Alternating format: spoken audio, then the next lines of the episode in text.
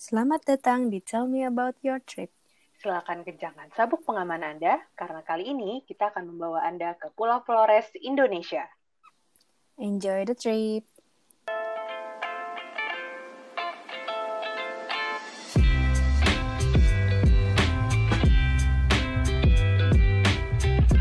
Halo Dohet. Halo Ica, kembali lagi. Bersama Tell Me About, About your Your Trip. trip. Bagaimana yang kemarin udah dengerin episode sebelumnya tentang apa Taman Nasional Komodo ya? Komodo, yes. Kali ini kita nggak jauh-jauh dari situ ya, Mm, mm, masih. Kita ke dari NTT lah. betul Nusa Tenggara Timur. Sebenarnya ini lanjutan dari trip sailing yang kemarin gitu. Mhm, mhm. Uh, jadi kan kalau misalnya kemarin uh, emang kan uh, sesuai uh, seperti yang gue jelasin waktu pas di awal uh, episode waktu itu gue bilang kan uh, Mhm. gue ngikutin tripnya tuh sebenarnya tujuh hari tiga harinya Yep. itu uh, sailing di Taman Nasional Komodo nah tiga harinya itu perjalanan darat eh ya empat hari tiga malam itu perjalanan darat nah perjalanan darat ini Mhm. terutama di uh, Pulau Flores gitu makanya uh, lebih ke namanya sih bukan Nusa Tenggara Timur cuman karena gue di Pulau Flores aja nama uh, nama Mhm. judulnya Pulau Flores lah gitu Mhm, mhm. jadi uh, apa namanya waktu itu kan habis dari Gililawa kan terakhir uh, kita sailing terus balik lagi ke darat kan ke Labuan Bajo Uh, eh, uh, gue sempat nginep dulu semalam di sana karena subuh subuh kita mulai perjalanan darat nih. Uh, ini akan ada ke beberapa tempat. Yang pertama ke Werebo kemudian ada ke Ruteng. Ruteng atau Ruteng ya? Ya lupa. Nyari tadi gue kan. Terus habis itu ke Danau Kelimutu sama terakhir ke kota ND-nya sendiri sebelum akhirnya pulang ke Jakarta. Gitu. Mhm. Nah kita langsung aja nih ke Werebo ya. Jadi kalau misalnya dilihat nanti kalian ngecek ini juga ya. Oh oh eh, si rute gue yang gue datengin itu kemarin ada di eh, rute Pulau Floresnya nanti gue taruh di Instagram. Jadi itu perjalanan Hmm. darat makanya lumayan cukup jauh juga sih itu totalnya sekitar berapa kilometer ya? Eh 600. Iya, 600 km perjalanan. Ya, Perjalanan lumayan ya. Itu road trip ya? Eh, road trip ya selama tiga hari Which is tiga hari. Ya, Oh. dibagi tiga hari. Cuman ya nanti eh, sambil perjalanan nanti tahu deh mana eh, jam-jam yang apa perjalanan road trip yang super eh, super berkelok-keloknya tuh pas di bagian mana aja. Mhm. Oke, jadi kita masuk nih ke Werebo. Jadi sebelum ke sana karena gue da- apa awalnya dari Labuan Bajo. Jadi dari dari Labuan Bajo tuh jam 4 pagi, gue eh, apa 7 jam ke Desa Denge. Namanya apa eh, sebenarnya daerah itu namanya eh, Desa Denge. Werebo Lounge. Jadi masuk dulu tuh eh, ke ke daerah kok kanan sih apa sih timur. Terus habis itu ke daerah eh, ke ke bawah muter. Jadi dia agak muter. Dia agak mengelilingi si eh, si gunung si Werebonya itu gitu jalurnya. Dan itu kan eh, apa berkelok-kelok banget. Dan malam-malam buset itu eh, karena ke gunung sih ya jadi udah kebolak-balik Hmm. banget. Dan itu eh, tujuh jam nyampe Mhm. apa namanya sebelum masuk. Jadi sebelum masuk de- desanya tuh kita emang ada uh, semacam lodge buat uh, makan siang sama persiapan persiapan diri sebelum naik ke atas. Karena medannya nanti ya kita akan cukup ba- uh, 7 kilo itu trekkingnya tuh tiga setengah jam jadi uh, Hmm, apa hmm. uh, lumayan uh, fisiknya lumayan lah Nah, apa namanya? Hmm. Nah, kalau misalnya waktu itu lo lo ikut ke Sempu kan, Cak, waktu zaman ini ke ke Malang, Ke mana? Sempu, Pulau Sempu. Oh iya. Eh, enggak, enggak. Gue ikut. Gua nggak ikut? Oh, Enggak, gue gak ikut. nggak sampai naik. Terus abis itu, pokoknya waktu yang ah, yang sama anak kaktel waktu itu kan ke Sempu tuh bener-bener eh, medan trekkingnya tuh nista banget soalnya dia habis hujan, jadi licin ya, ya. segala I heard the stories. Terus pokoknya tuh itu traumatis banget. Cuman yang ini tuh menurut gue ya karena mungkin udah udah lumayan terkenal, jadi eh, jalurnya menurut gue treknya sih tetap apa namanya tanah ya, cuman karena nggak nggak Mhm. lagi hujan juga, jadi apa eh, cukup enak lah gitu nggak terlalu nggak terlalu susah eh, nanjak-nanjak karena waktu itu kan gue juga ada yang udah ber berumur juga gitu kan uh, peserta mm. tripnya dia santai-santai aja sih nyaman-nyaman aja nah itu tuh mm. uh, treknya dia tuh desanya tuh cukup tinggi letaknya 1200 meter di atas permukaan laut. Jadi apa sering ada kabut-kabut juga gitu. Cuman kalau misalnya kan siang jam setengah dua siang terus nanjak tuh hmm. sampai nyampe sana tuh sekitar jam 5 sore Nah, hmm. terus uh, apa? Waktu itu sih gue uh, di tulisan gue waktu itu gue uh, sewa tokat trekking sama naik ojek. Gue agak lupa sih. Pokoknya kayaknya ada di satu titik di mana uh, apa agak agak curam atau di awal-awal sebelum jalan setapak gue uh, kebetulan gue nggak ada foto di jalan setapaknya sih. Cuman itu gue sempet naik ojek gitu uh, lumayan mungkin hmm. menghemat 1 sampai dua kilo lah gitu nih si naik ojek uh, setempat. Mm -hmm. Nah, terus, hmm. uh, nah sebelum sebelum naik sih sebenarnya udah diingetin uh, apa nggak usah bawa gembolan gitu karena kita kan cuma semalam sampai besoknya pun jam 8 pagi kita udah turun lagi. Jadi emang cuma bawa backpack hmm. uh, biasa aja dan siap. Jadi lo nggak usah bawa yang apa berat-berat karena treknya sebenarnya lumayan. Terus uh, di sana hmm. tuh uh, si, kan ada listrik tapi seingat gue kayak disaranin juga kan uh, bawa power bank aja masing-masing gitu kan uh, hmm. karena ya colokannya terbatas juga tapi karena di sana nggak ada sinyal jadi uh, handphone gue pun juga waktu itu airplane mode gitu jadi kan nggak nggak udah makan baterai ya gitu. hmm. gitu jadi awet lah sampai pas hmm. sampai pagi sampai turun tuh masih uh, masih banyak Nah, terus sudah kan perjalanan. Nah, jadi waktu itu tuh gue ke sana pas tanggal 17 Agustus. Jadi pas gue nanjak naik ke atas itu tuh tanggal 17 Agustusnya. Katanya hmm. si kloter uh, semalam yang semalamnya yang sebelumnya itu tuh lebih ramai lagi karena banyak orang yang uh, ngincer bisa upacara bendera di desa itu gitu. Terus hmm. pas gue datang kan juga si apa bendera merah putihnya masih ini ya masih masih ramai gitu kayak terharu gitu. Nah, katanya sih paginya mereka ada ya upacara bendera.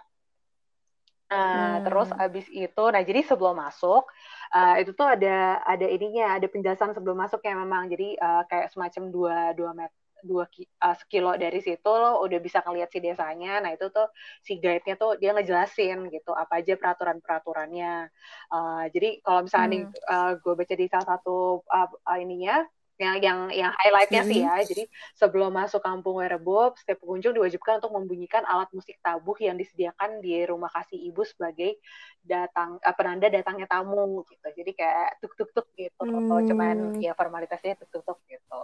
Terus habis itu hmm. uh, setiap pengunjung yang baru wajib tiba ber eh ya baru tiba wajib berkunjung ke rumah gendang terlebih dahulu untuk melakukan upacara penghormatan leluhur wel welu setelah itu baru diperkenankan beraktivitas di kampung. Nah, jadi uh, apa namanya? Hmm. Yaitu pas gue baru datang langsung apa? Jadi kalau lihat nih yang dari luar atau dari yang foto yang dari atas sih, dari yang nomor tiga hmm. itu kan dia sebenarnya ada tujuh rumah tuh. Hmm. Nah, yang tengah kan dia yang hmm. paling paling gede ya. Nah, itu yang si rumah yeah. ininya, rumah rumah ketua adatnya lah gitu. Nah, itu gue mau nanya yeah. juga tuh emang rumah di situ cuma tujuh? Uh, iya sih, uh. Cuman oh nanti uh, oh. apa namanya? Oh ya udah boleh saya bisa, bisa gue jelasin sekarang. Jadi apa namanya di rumahnya tuh ada tujuh namanya Baru Niang gitu kan. Terus abis itu nah apa tuh? Uh, nama rumahnya? Iya, nama nama rumah adatnya lah gitu. Itu itu rumah bentuk kayak gitu okay.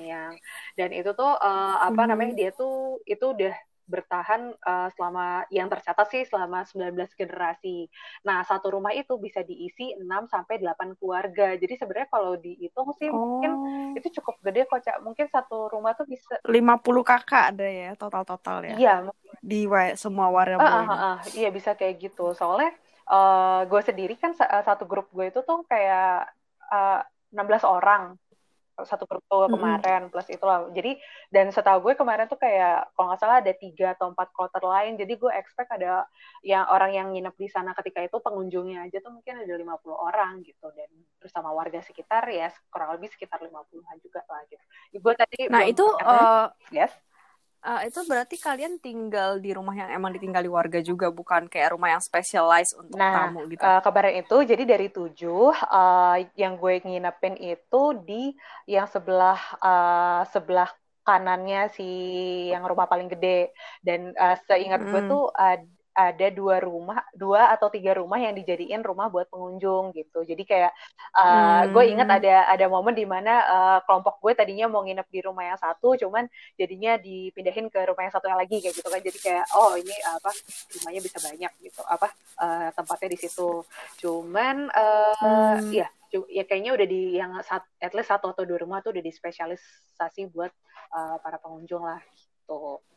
Hmm. Terus hmm. abis itu uh, apalagi ya? Tadi si penjelasannya lagi sih uh, uh, uh, uh, pengunjung retribusi oke okay. terus nah itu uh, untuk menghormati budayanya di antaranya itu tidak melakukan aktivitas di compang atau altar depan rumah gendang itu ada fotonya cak yang itu kan nah, ya sacred stone itu yeah, nah yeah. itu tuh di situ hmm. kayak ya bolehlah bersandar di situ atau cuman kayak nggak nggak nggak boleh nginjek di atas atasnya gitu udah itu di kayak dikabarin hmm.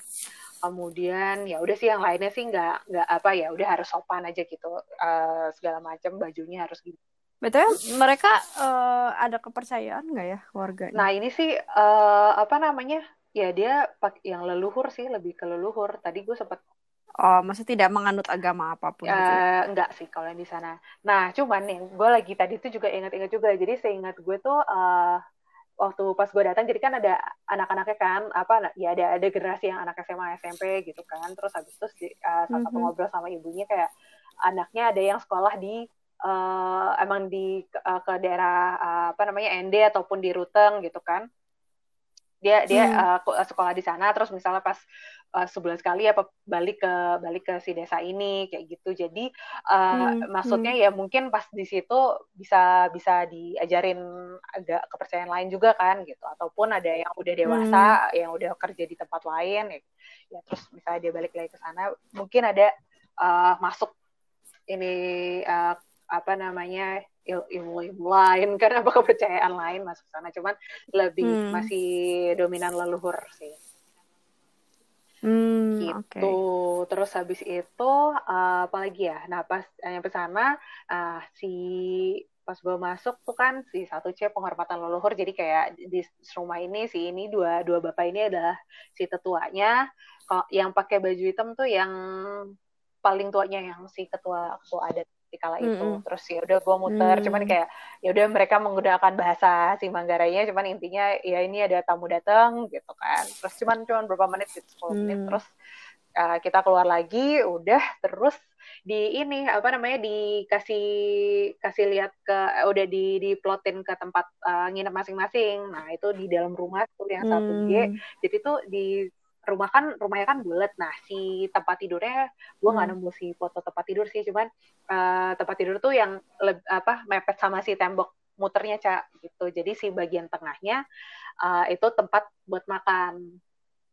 Itu. Hmm, oh ini gue kira ini ini matras matras oh, tidur. enggak itu ma matras duduk buat makan. Matras ya makanya oh. si si ini rumahnya gue jadi kalau zoom yang dalam rumah tuh kan di ujung kan ada yang taruh apa backpack gitu kan. Terus ya, uh, ya, ya kasurnya sih kayak semacam kasur lipat terus da dapat apa ya ba uh, bantal sama selimut gitu. Gitu. Hmm. Nah, itu yang hmm. si tengahnya hmm. itu uh, alas apa buat makan terus si bantal-bantal uh, bantal duduk gitu. Nah, pas makan malam atau pas makan hmm. apa uh, lo duduknya di situ ngumpulnya. Nah, jadi pas hmm. apa namanya tuh pas gue datang dapet welcome drinknya si kopi Manggarai gitu hmm, terus habis itu iya, ada iya. juga apa terus kayak pada lapar jadi pada pesen indomie kayak gitu kan terus uh, hmm. apa namanya udah kan nyampe tuh mungkin jam 5 sore terus uh, kayak orang-orang juga pada main bola gitu kayak aktivitasnya banyak maksudnya udah cukup tahu inilah gitu apa nggak yang apa kayak baca buku hmm. juga gitu anak-anaknya gue lihat Hmm. Si bapak-bapaknya hmm. ngasok di luar. Nah, mulailah makan malam tuh kayak sekitar jam jam ya jam setengah tujuan. Nah, menunya sih sebenarnya uh, ya hmm. simple aja, nasi, terus ada ayam goreng sama apa uh, ben, apa sayur bening gitu sayur. gitu kan. Hmm. Sayur bening. Terus udah deh uh, hari itu begitu aja. Nah, dia tuh ada uh, apa namanya? Malam itu dikabarin se seingat gue ya itu tuh dia ada jam malamnya gitu jadi misalnya bukan jam malam dia bilang ya pokoknya jam kayak jam 9 itu uh, lampunya akan lebih diredupin jadi misalnya lo uh, hmm. sikatan segala macam ya lo beresnya jam sebelum jam 9 udah udah ini aja udah udah pada rapi aja hmm. gitu. nah itu gue mau nanya juga itu di sana toiletnya gimana ya maksudnya kayak toiletnya kan lo toiletnya bagus sih. itu ada kamar mandi kah atau ada toilet jadi di belakang nah eh, gue uh, tadi tuh lagi nyari artikelnya cuman belum nemu jadi setangkap gue waktu pas gue datang itu dijelasin dia, uh, dia tuh baru bukan baru dipugar sih kayak mungkin sekitar tahun 2000-an kali ya itu tuh uh, di dipugar si ininya si oh di dipugar tuh artinya apa ya? Maksudnya di uh, kayunya kayak dibenerin segala macam termasuk si fasilitas uh, toiletnya. Gue coba hmm. coba kalau googling kita nemu nggak ya? Nggak, tapi waktu waktu waktu lo di sana yeah. gimana? Kayak lo ke toilet?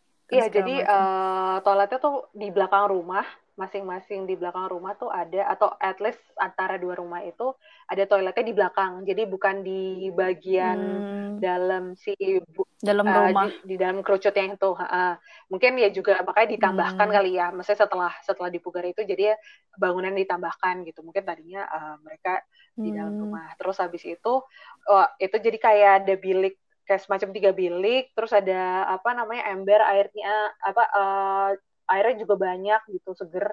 Maksudnya bagus gitu. Apa cuman ya maksudnya kelihatan itu adalah hasil uh, bangunan tambahan gitu. Karena uh, hmm, cakep yeah, iya, terus yeah, yang yeah. si kayu cakep yeah. maksudnya uh, apa bersih gitu ya iya udah kebayang lah gitu. kebayang ya soalnya gue gue kan tipikal orang yang ribet soal betul, betul. ya oh. jadi kayak maksudnya ketika ke desa mm -hmm. gitu kan gue cuma ya kali aja lo disuruh di semak gitu kan jadi okay. I have to make sure the toilet kayak toiletnya ada banget nih nah iya bagus sih apa namanya cukup cukup cukup terawat lah terus habis nah uh, mungkin di saat satu faktornya juga itu sih cak karena apa namanya karena biasanya orang datangnya cuma se semalam jadi nggak hmm. terlalu banyak yang pakai ya bukan nggak terlalu banyak yang pakai uh, toilet juga sih cuman maksudnya nggak yang yang mandi jebur-jebur gimana juga gitu hmm. Hmm. gue cuman uh, gue juga cuman apa uh, ke ke apa buang air kecil doang gitu nggak nggak yang sampai mandi macam-macam Nah, toilet hmm. terus habis itu ya bangunannya gue gue ingat gue tuh gue baca di player playernya mereka sih. Jadi ya di, di diperbaiki termasuk kayu-kayunya segala macam jadi uh, lebih kokoh lagi gitu. Terus uh, apa namanya lagi jadi tuh rumahnya dia tuh kayak lima lantai sebenarnya si si kerucutnya itu bisa bikin sampai lima hmm. lantai. Yang lantai satu tuh emang buat tempat tinggal. Nih gue agak-agak lupa asbun dikit mungkin cuman yang atas apa layer selanjutnya tuh ya isi bahan makanan. Terus habis itu ada isi termasuk hmm. kayaknya yang paling atas juga uh, semacam yang lebih di dikeramatkan gitu kali. Maksudnya lo menyimpan apa ya benda-benda sesuatu gitu kan. Yang Hmm. Nah itu uh, tadi gue mau nanya apa ya gue jadi lupa. Uh, ada filosofinya gak sih bentuk rumahnya? Nah itu, nah itu belum sempet nyari gue. Coba nanti di, di, ya udah, di akhir acara. Nah tapi guide-nya nggak ah, ngejelasin. Guide-nya ngejelasin, uh, cuman gue lupa tentu saja.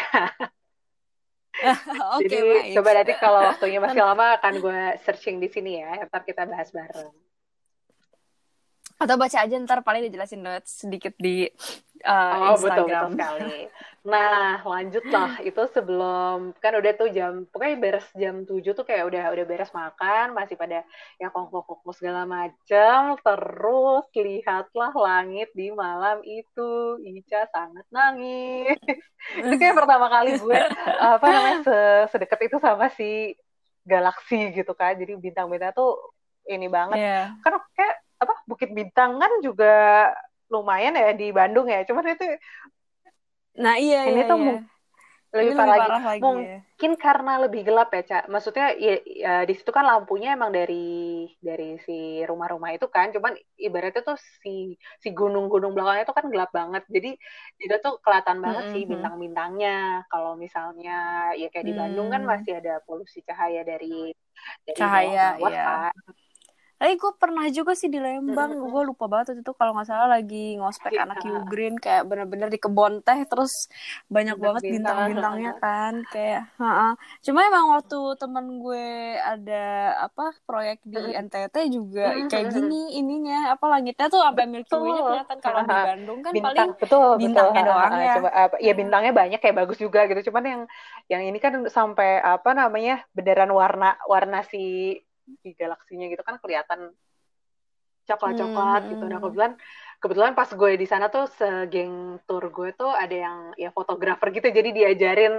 uh, apa uh, taktik Uh, uh, Cara ya, jadi apa ini di, di uh, dikecilin apa uh, aperturnya segala macam terus kayak wah keren banget gue rebahan tuh di di lapangan itu terus ngeliat atas wah luar biasa sekali uh. sih itu salah satu yang tidak terlupakan soalnya ya gue nggak mungkin sebenarnya banyak banyak juga ya di Indonesia yang bisa lihat kayak gini gitu cuman mm -hmm. ini salah satu hmm. yang pernah gue datengin dan uh, paling bagus ibaratnya kayak gitu. Hmm, hmm, hmm. Terus gue mau yes. bertanya juga ini nggak ada binatang buas nih kayak, di sekitar? Uh, kayak sih enggak. Cuman kalau misalnya dilihat di tadi sih gue sempat lihat di apa peringatan uh, penjelasan yang poster peringatan itu emang dibilang uh, hmm. apa namanya jangan apa pokoknya intinya lo jangan jalan-jalan di luar uh, si Iya batas, batas desa, desa itulah at least si si tujuh tujuh apa tujuh rumah itu gitu. Emang masih di apa hmm. ya ya hati-hatilah kalau misalnya di dekat sana. Cuman kalau misalnya di dalam rumah sih insya Allah kagak kagak ada yang binatang buas tiba-tiba naik katanya gitu. Hmm, itu okay. terus uh, habis terus, itu terus. udah jam ya jam sembilanan udah pada masuk lagi uh, apa masuk uh, masuk rumah. Nah jam jam berapa ya? Lalalala tadi gue udah nulis. Oh pokoknya jam 5 pagi.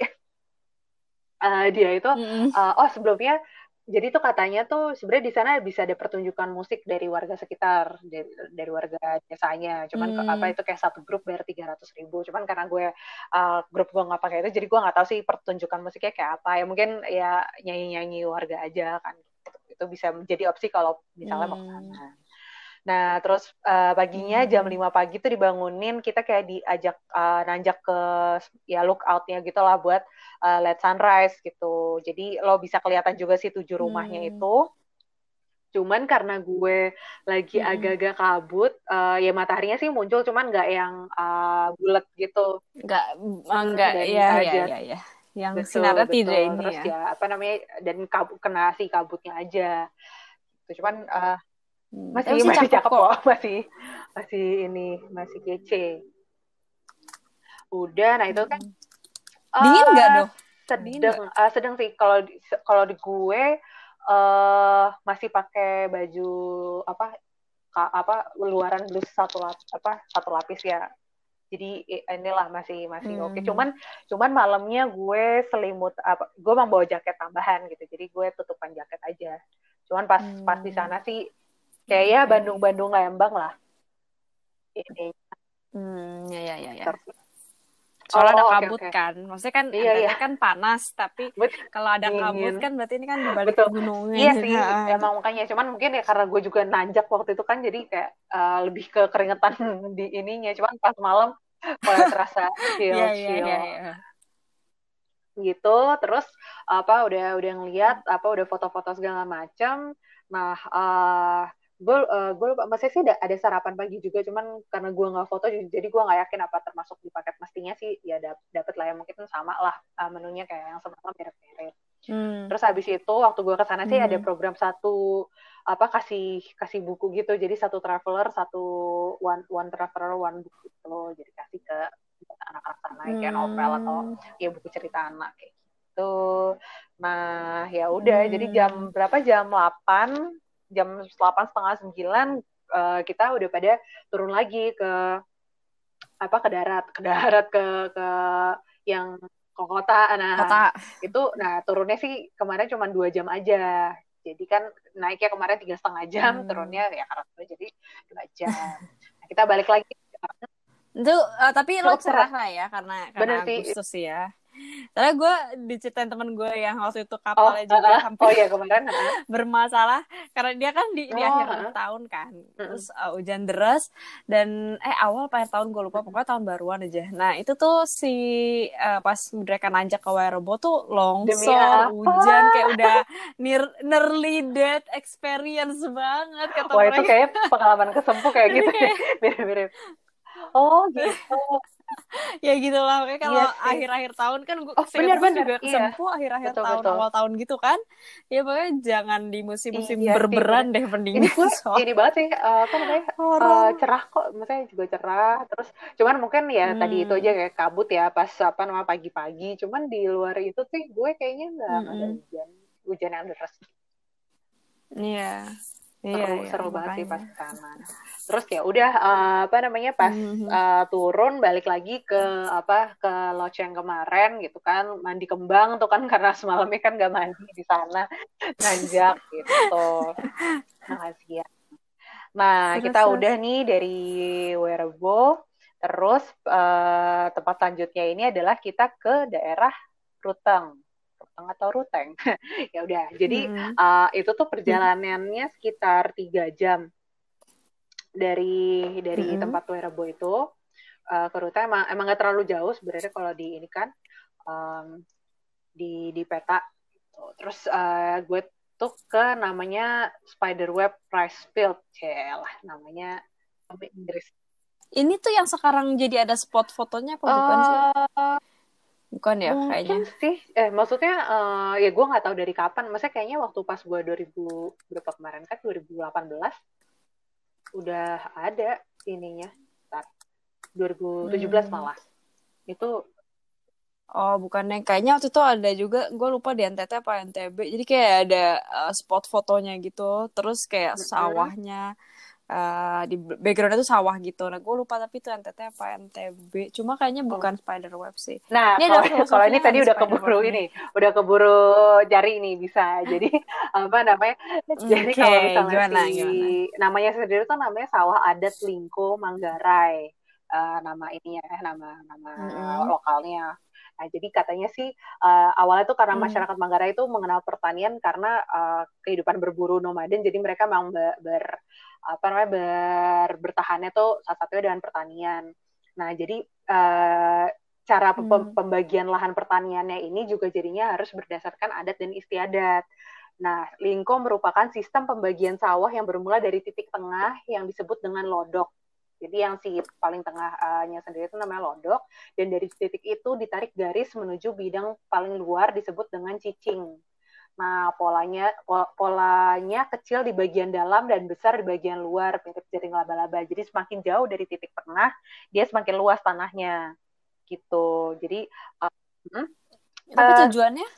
Sebenarnya nih, pokoknya katanya sih uh, dia bagi-bagi aja sih uh, pembagian dan pembagian pembagian lahannya ini dari dari apa ketua adatnya juga gitu. Jadi jadi mungkin lebih ke hmm. ini ya maksudnya ya uh, ya pembagian keluarganya jadi udah nanti lo dapet ini gitu kalau gue nggak nemu penjelasan hmm. kenapanya ya cuman lebih ke how they do it hmm. aja gitu hmm. terus okay, apa oke okay. apa okay. uh, eh, pembagian lahan oleh leluhur dilakukan secara terpusat oke okay iya sama lah terus habis itu ya udah gitu aja nah si de apa lokasinya sendiri itu sekitar 5 15 km dari kota Rutengnya sendiri tuh untuk dan namanya emang desa hmm. Cancar si nama si desa adat Lingkonya ini nah pas gue datang sih ya hmm. ya emang ya masih dan dan masih memang ditanami sampai sekarang sih maksudnya uh, emang emang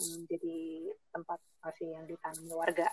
Tuh itu hmm. uh, nah gue sih di sana cuman se sebentar doang kayak ya uh, nyampe terus satu jam terus ya apa ngopi-ngopi dikit nah terus kita uh, lanjut lagi perjalanannya. Jadi kan dari tadi kan uh, dari Werebo kan siang terus nyampe uh, adat uh, salat adat Lingko ini sore jam 7 apa jam 17 jam 5 terus gue makan malam dulu di di kota Rutengnya baru deh jam 8 sampai jam 6 besokannya. Itu OTW Danau Kalimutu itu adalah uh, berapa kilo ya tuh bisa kalau ditarik garis mah bangsa cet Ya 400 uh, ada iya. kali ya ini. Oh iya. Kalau ngelihat. Enggak, oh, tapi itu lo naik apa sih? Naik, uh, naik mau uh, ini sih apa, apa namanya? Uh, uh, iya. Fan apa, gitu. Baraya atau apa ininya? Travel ya mobil uh, travel. travel. mobil travel gitu. Oh, kan ya, ya, ya 16-an ya, orang lah okay. ininya. 16 orang, cuman kan karena hmm, berliku-liku okay. ya, jadi apa ya tidak seperti naik tol Jagorawi, Cipularang. Cipularang, gitu. ya. Uh-uh. Nah, itu kan berarti gitu ya. 10 jam tuh lumayan sampai besok paginya, sampai tepos banget itu. Enggak itu berhenti-berhenti enggak apa uh, berhenti kan? Kayaknya sih berhenti cuman karena kayak jam 2 malam nih. Jadi ya maksudnya berhenti si si abang supirnya aja sih. Uh, maksudnya yang yang penumpangnya sih kayak oh. udah pada oh. tepar aja di di kursi masing-masing soalnya kan udah makan malam juga gitu kan jadi ya udah di di selama perjalanan hmm. uh, ini apa namanya lanjut aja gitu kok saya seingat gue tuh kayak hmm, apa ya dari yang dari Ruteng sampai sampai agak dua per tiga jalan emang kayak berkelok-kelok segala macam cuman pas udah mulai eh, daerah hmm. apa ND gitu tuh jalannya udah mulai cakep gitu ya gitu-gitu deh jadi uh, apa namanya pas hmm. awal lumayan juga tuh apa ke kayak naik ya akap gitu kan apa goyang-goyang untuk itu gak ada mabok. apa gue pak apa gue minum ini antimu ya waktu sebelum nanti kayak udah udah kayak pingsan nah pokoknya jam berapa tuh jam 6 pagi setengah tujuh tuh nyampe tuh gue di uh, tempat selanjutnya adalah Danau Kelimutu tuh nah jadi Hmm, yang paling Betul, terkenal dari zaman dulu ke ya. Danau Tiga Warna ini kayak apa gitu kan. Jadi uh, Danau Kelimutunya itu kan sebenarnya jatuhnya hmm. di Gunung Kelimutu. Jadi uh, apa? Sebenarnya itu ke lebih lebih ke gunungnya kita ke arah kita agak naik juga gitu kan. Terus baru uh, di situnya ada si danau. Hmm. Nah, jadi kalau kalau pas ke sananya sendiri, jadi pas udah turun nyampe di mana namanya di parkirannya, udah cukup bagus kok ininya uh, apa si hmm. tempatnya tuh jadi pas dari parkiran terus naik dia agak-agak nanjak juga cuman uh, trekkingnya uh, bagus apa kayak batu-batu juga kayaknya ada deh di fotonya tuh trekking trek ke danau kayaknya ada lagi apakah tidak ada ah, tidak tidak tapi tapi ini berarti uh, eh makanya tadi gue mau nanya juga ini berarti trekking yeah. juga ya tapi nggak separah uh, uh, yang terus uh, seingat gue ya maksudnya landai gitu terus habis itu ada yang uh, kayak trekking iya, ke putih ini gak? atau putih. Uh, tangkuban perahu ya lumayan gak sih gue gue agak-agak lupa hmm. juga cuman hmm. maksudnya uh, landai terus habis itu apa kalau nggak kalau nggak kalau agak yang gimana di sem apa ada sem semennya gitu. Terus ada ada batu-batu. Jadi nggak lo nggak hmm. sulit untuk uh, nanjak ke atas. Agak lupa nanjaknya apa hmm. uh, trekkingnya berapa lama. Mungkin kayak sekitar 20 20 menitan. Mungkin jalannya agak-agak dari tempat parkir ya sampai ke atas itu mungkin agak 500 hmm, hmm, hmm.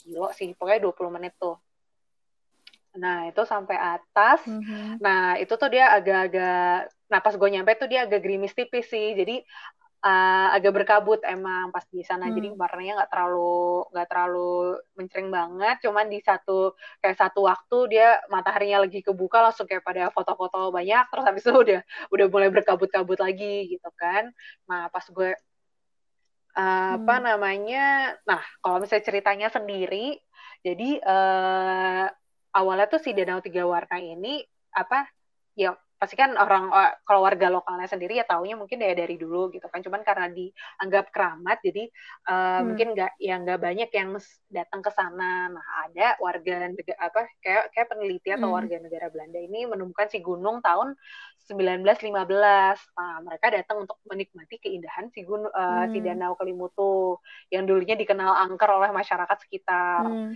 Nah, baru deh sejak si 8 hmm. uh, apa 1915 itu kayak udah mulai terkenal orang-orang ya boleh kan kagak takut angker ya. Jadi mah jadi pada ra rame aja gitu. Cuman uh, ya udah akhirnya setelah ya mulai banyak yang tahu uh, masuk apa di, dijadiin konservasi alam tahun 92. Nah, itu tuh baru mulai ya kayak dirapihin segala macem terus termasuk ya kayak uh, warga lokalnya ngasih tulisan-tulisan saya ya uh, ini menurut kami adalah tempat yang sakral jadi jangan melakukan hal yang aneh-aneh gitu. Nah, kalau hmm, hmm, hmm. itu danaunya bisa ganti jadi, warna apa gini, sih? Nah, gue uh, literaturnya juga belum lengkap nih. Cuman karena jadi pas gue dateng itu kan kalau dilihat kan warnanya kayak eh satu kan ya turko uh, ya Tosca terus yang Tosca, satu tuh ya. lebih kecil lebih ke lebih gelap lagi sama satu lagi tuh hitam cuman di literatur lain kayak dia hmm. bilangnya hmm. tuh dia warna uh, me hijau putih sama merah gitu cuman gue nggak tahu uh, yang merah mungkin lebih ke hitam ya mungkin uh, terus yang putih yang yang warna yang hijau mudanya mungkin jadinya lebih putih dan yang hijau gelapnya jadi warna hijau gitu makanya jadi gue kurang tahu mana yang mana gitu yang berubah warnanya cuman jadi gini hmm. danau uh, danau tiga warna itu itu uh, ya memang berubah-ubah itu karena aktivitas vulkanik, geologi, uh, cuaca, terus habis itu ya si plankton mikro mikroorganisme di dalamnya juga gitu kan, itu yang bikin dia berubah warna. Katanya sih uh, hmm. dia seringnya tuh kayak mungkin hmm. pas musim hujan dia mulai ke ini kelihatan berubah warnanya. Terus tadi juga ada apa ya ya para hmm. para peneliti sih kayak udah nyatet juga uh, dia bisa berubah warnanya tuh sampai ekstrimnya ke warna apa segala macam gitu kan cuman ada ada informasinya lah kayak gitu. hmm. gitu terus nah si nama-namanya ini jadi dia tuh dibedain tuh berdasarkan uh, dipercaya jadi kayak tempat di mana roh-roh itu pas spiritnya itu nanti akan uh, kayak tinggal di sana gitu jadi warna biru atau ini yang, yang katanya si warna biru itu namanya Tiwunua Murikofai. Hmm. Terus itu dipercaya menjadi tempat berkumpul hmm. arwah dari hmm. orang-orang yang meninggal pada usia muda. Terus uh, yang warna merah hmm. atau Tiwu Atapolo diyakini sebagai tempat berkumpul arwah dari orang yang semasa hidupnya kerap berbuat jahat. Wow. Terus kepercayaan hmm, uh, okay, kemudian terus? satu lagi yang terakhir itu namanya Tiwu Ata Mbupu itu kepercayaannya tempat berkumpul arwah para leluhur yang meninggal ketika usia tua tuh itu yang membedakan hmm. ininya uh, apa okay. uh, si nama daerah tersebut terus uh, apa lagi ya tadi itu nah kalau di di foto juga ada penjelasannya apa ya uh, jadi, oh ya, it's believed that spirit come to Kalimutu when people die. Nanti si spiritnya itu dia akan uh, hmm. di ini hmm. dulu, di ditanyain dulu, di, dipisahin uh, di gate Perekonde namanya. The spirit will first meet Konde Ratu. Padang Masyar. Padang Before Masyar. entering one of the lakes, the spirit will will first meet the Konde Ratu, the guard of the gate. Nah, Terus habis itu nanti uh, spirit will enter hmm. depends on its age and character when alive. Nah, itu yang tadi bedanya lo uh, tua, muda ataupun hmm. berbuat jahat kayak gitu. Terus habis itu ya udah sih dia akan berubah-ubah hmm. uh, sesuai sama climate-nya. Dan ya udah karena dia dia masih dipercaya sebagai tempat yang mistis, jadi ya harap di uh, dijaga seperti itu. Nah, tadi tuh gue uh, nemu sih artikel hmm. di ini uh, di Google tentang uh, apa jadi si Danau Kelimutu tuh ada uh, ada ritualnya juga. Ritualnya tuh setiap tanggal mana nih? Start. Jadi dia ada namanya Festival Patika. Jadi diselenggarakan tanggal 14 Agustus dia itu tuh memberi makan kepada para hmm. leluhur di Danau Kelimutu. Jadi uh, apa namanya nanti dia para para sesepuh akan menggunakan pakaian adat, tenun dan ikat kepala. Terus habis itu dia akan memberikan makanan dan minuman yang hmm. dipersembahkan para leluhur. Makanan tersebut disajikan di mangkuk dari tanah liat, hmm. kemudian berbaris rapi, lalala, dan dia naik undakan, pokoknya naik sampai ke ini arwah batu tetua. Oh jadi uh, dia Kayak gue nggak foto, nggak masukin foto di sini deh. Jadi di sana tuh ada ininya, ada monumennya gitu, semacam ada batu apa namanya monumen batu. Uh, hmm. duduk melingkar ya udah jadi kayak taruh taruh makanannya di situ sisa makanan akan dimakan bersama begitu terus hmm. udah sih itu itu fest, salah satu festival yang di uh, danau danau Kalimutu dah terus hmm. dari sana tempat terakhir kita ke uh, eh, ND. Jadi kalau misalnya kan gue turun tuh jam setengah sembilan malam, ah, setengah malam setengah sembilan pagi, itu perjalanan sekitar dua jam masuk ke kota ND. Nah, cuman uh, apa namanya nyampe sana tuh uh, niatnya tuh mau ke rumah pengasingan uh, Bung Karno. Cuman karena waktu itu gue nyampe di sana hari Sabtu, jadi ternyata dia tutup. Ja, uh, jadi kita langsung ke lapangan Pancasila. Nah di lapangan Pancasila tuh hmm. uh, tadi mana tuh ceritanya jadi dia oh tempat ini. Dia jadi katanya sih Bung Karno itu dia pas uh, pas diasingkan ke ke ND uh, dia sering ke si lapangan ini. Uh, nanti ada fotonya itu dia kayak merenung memikirkan si Pancasila dan salah satunya tuh merenungnya tuh di bawah pohon sukun. Nanti nanti gue masukin juga fotonya di Instagram gitu. Makanya ini uh, di di lapangan Pancasila itu juga okay. ada ya patung Bung Karno gitu loh untuk mengenang sejarahnya dia di sana gitu terus apa lagi ya nih artikel hmm. dari sini Terus lo lo dari dari dari situ balik oh, lagi enggak. ke no no no no 10 jam Jadi lagi. Gue emang terakhirnya sih rutenya tuh di ND uh, rute tripnya. Jadi emang gue pulangnya dari sana. Jadi emang oh. dari dari awal emang dibilang kita mulainya di Labuan Bajo, uh, terus di uh, pulangnya di ND. Jadi pesan pesawatnya pun terakhir di ND. Pas pulang ada ada bandaranya, oh, ada bandara, bandara kecil gitu. ND. Nah, cuman uh, oh, okay. bandaranya pun juga melayaninya ke uh, kalau nggak salah ke Sumba, terus apa ya transitnya ke entah ke Sumba sama ke Bali kayak gitu. Jadi ya lo mesti transit laut sana dulu. Nah kebetulan waktu itu pas gue ke sana tuh mestinya kan tripnya beresnya hmm. abis makan siang kan jam 2. Terus ingat gue gue apa gue beli tiketnya tuh yang jam uh, pulangnya jam 3 sore gitu. Cuman waktu itu kayak gue uh, ini apa namanya hmm. entah cuaca buruk padahal nggak sih cerah aja uh, jadi pesawatnya delay jadi gue digabung sama flight lain setelahnya kayak beda dua jam gitu dan itu gue jadi transitnya jadinya mestinya hmm. ke transit apa ya pasar kalau nggak salah jadi transitnya ke uh, Surabaya gitu sampainya Jakarta hmm. uh, malam jam sembilanan okay.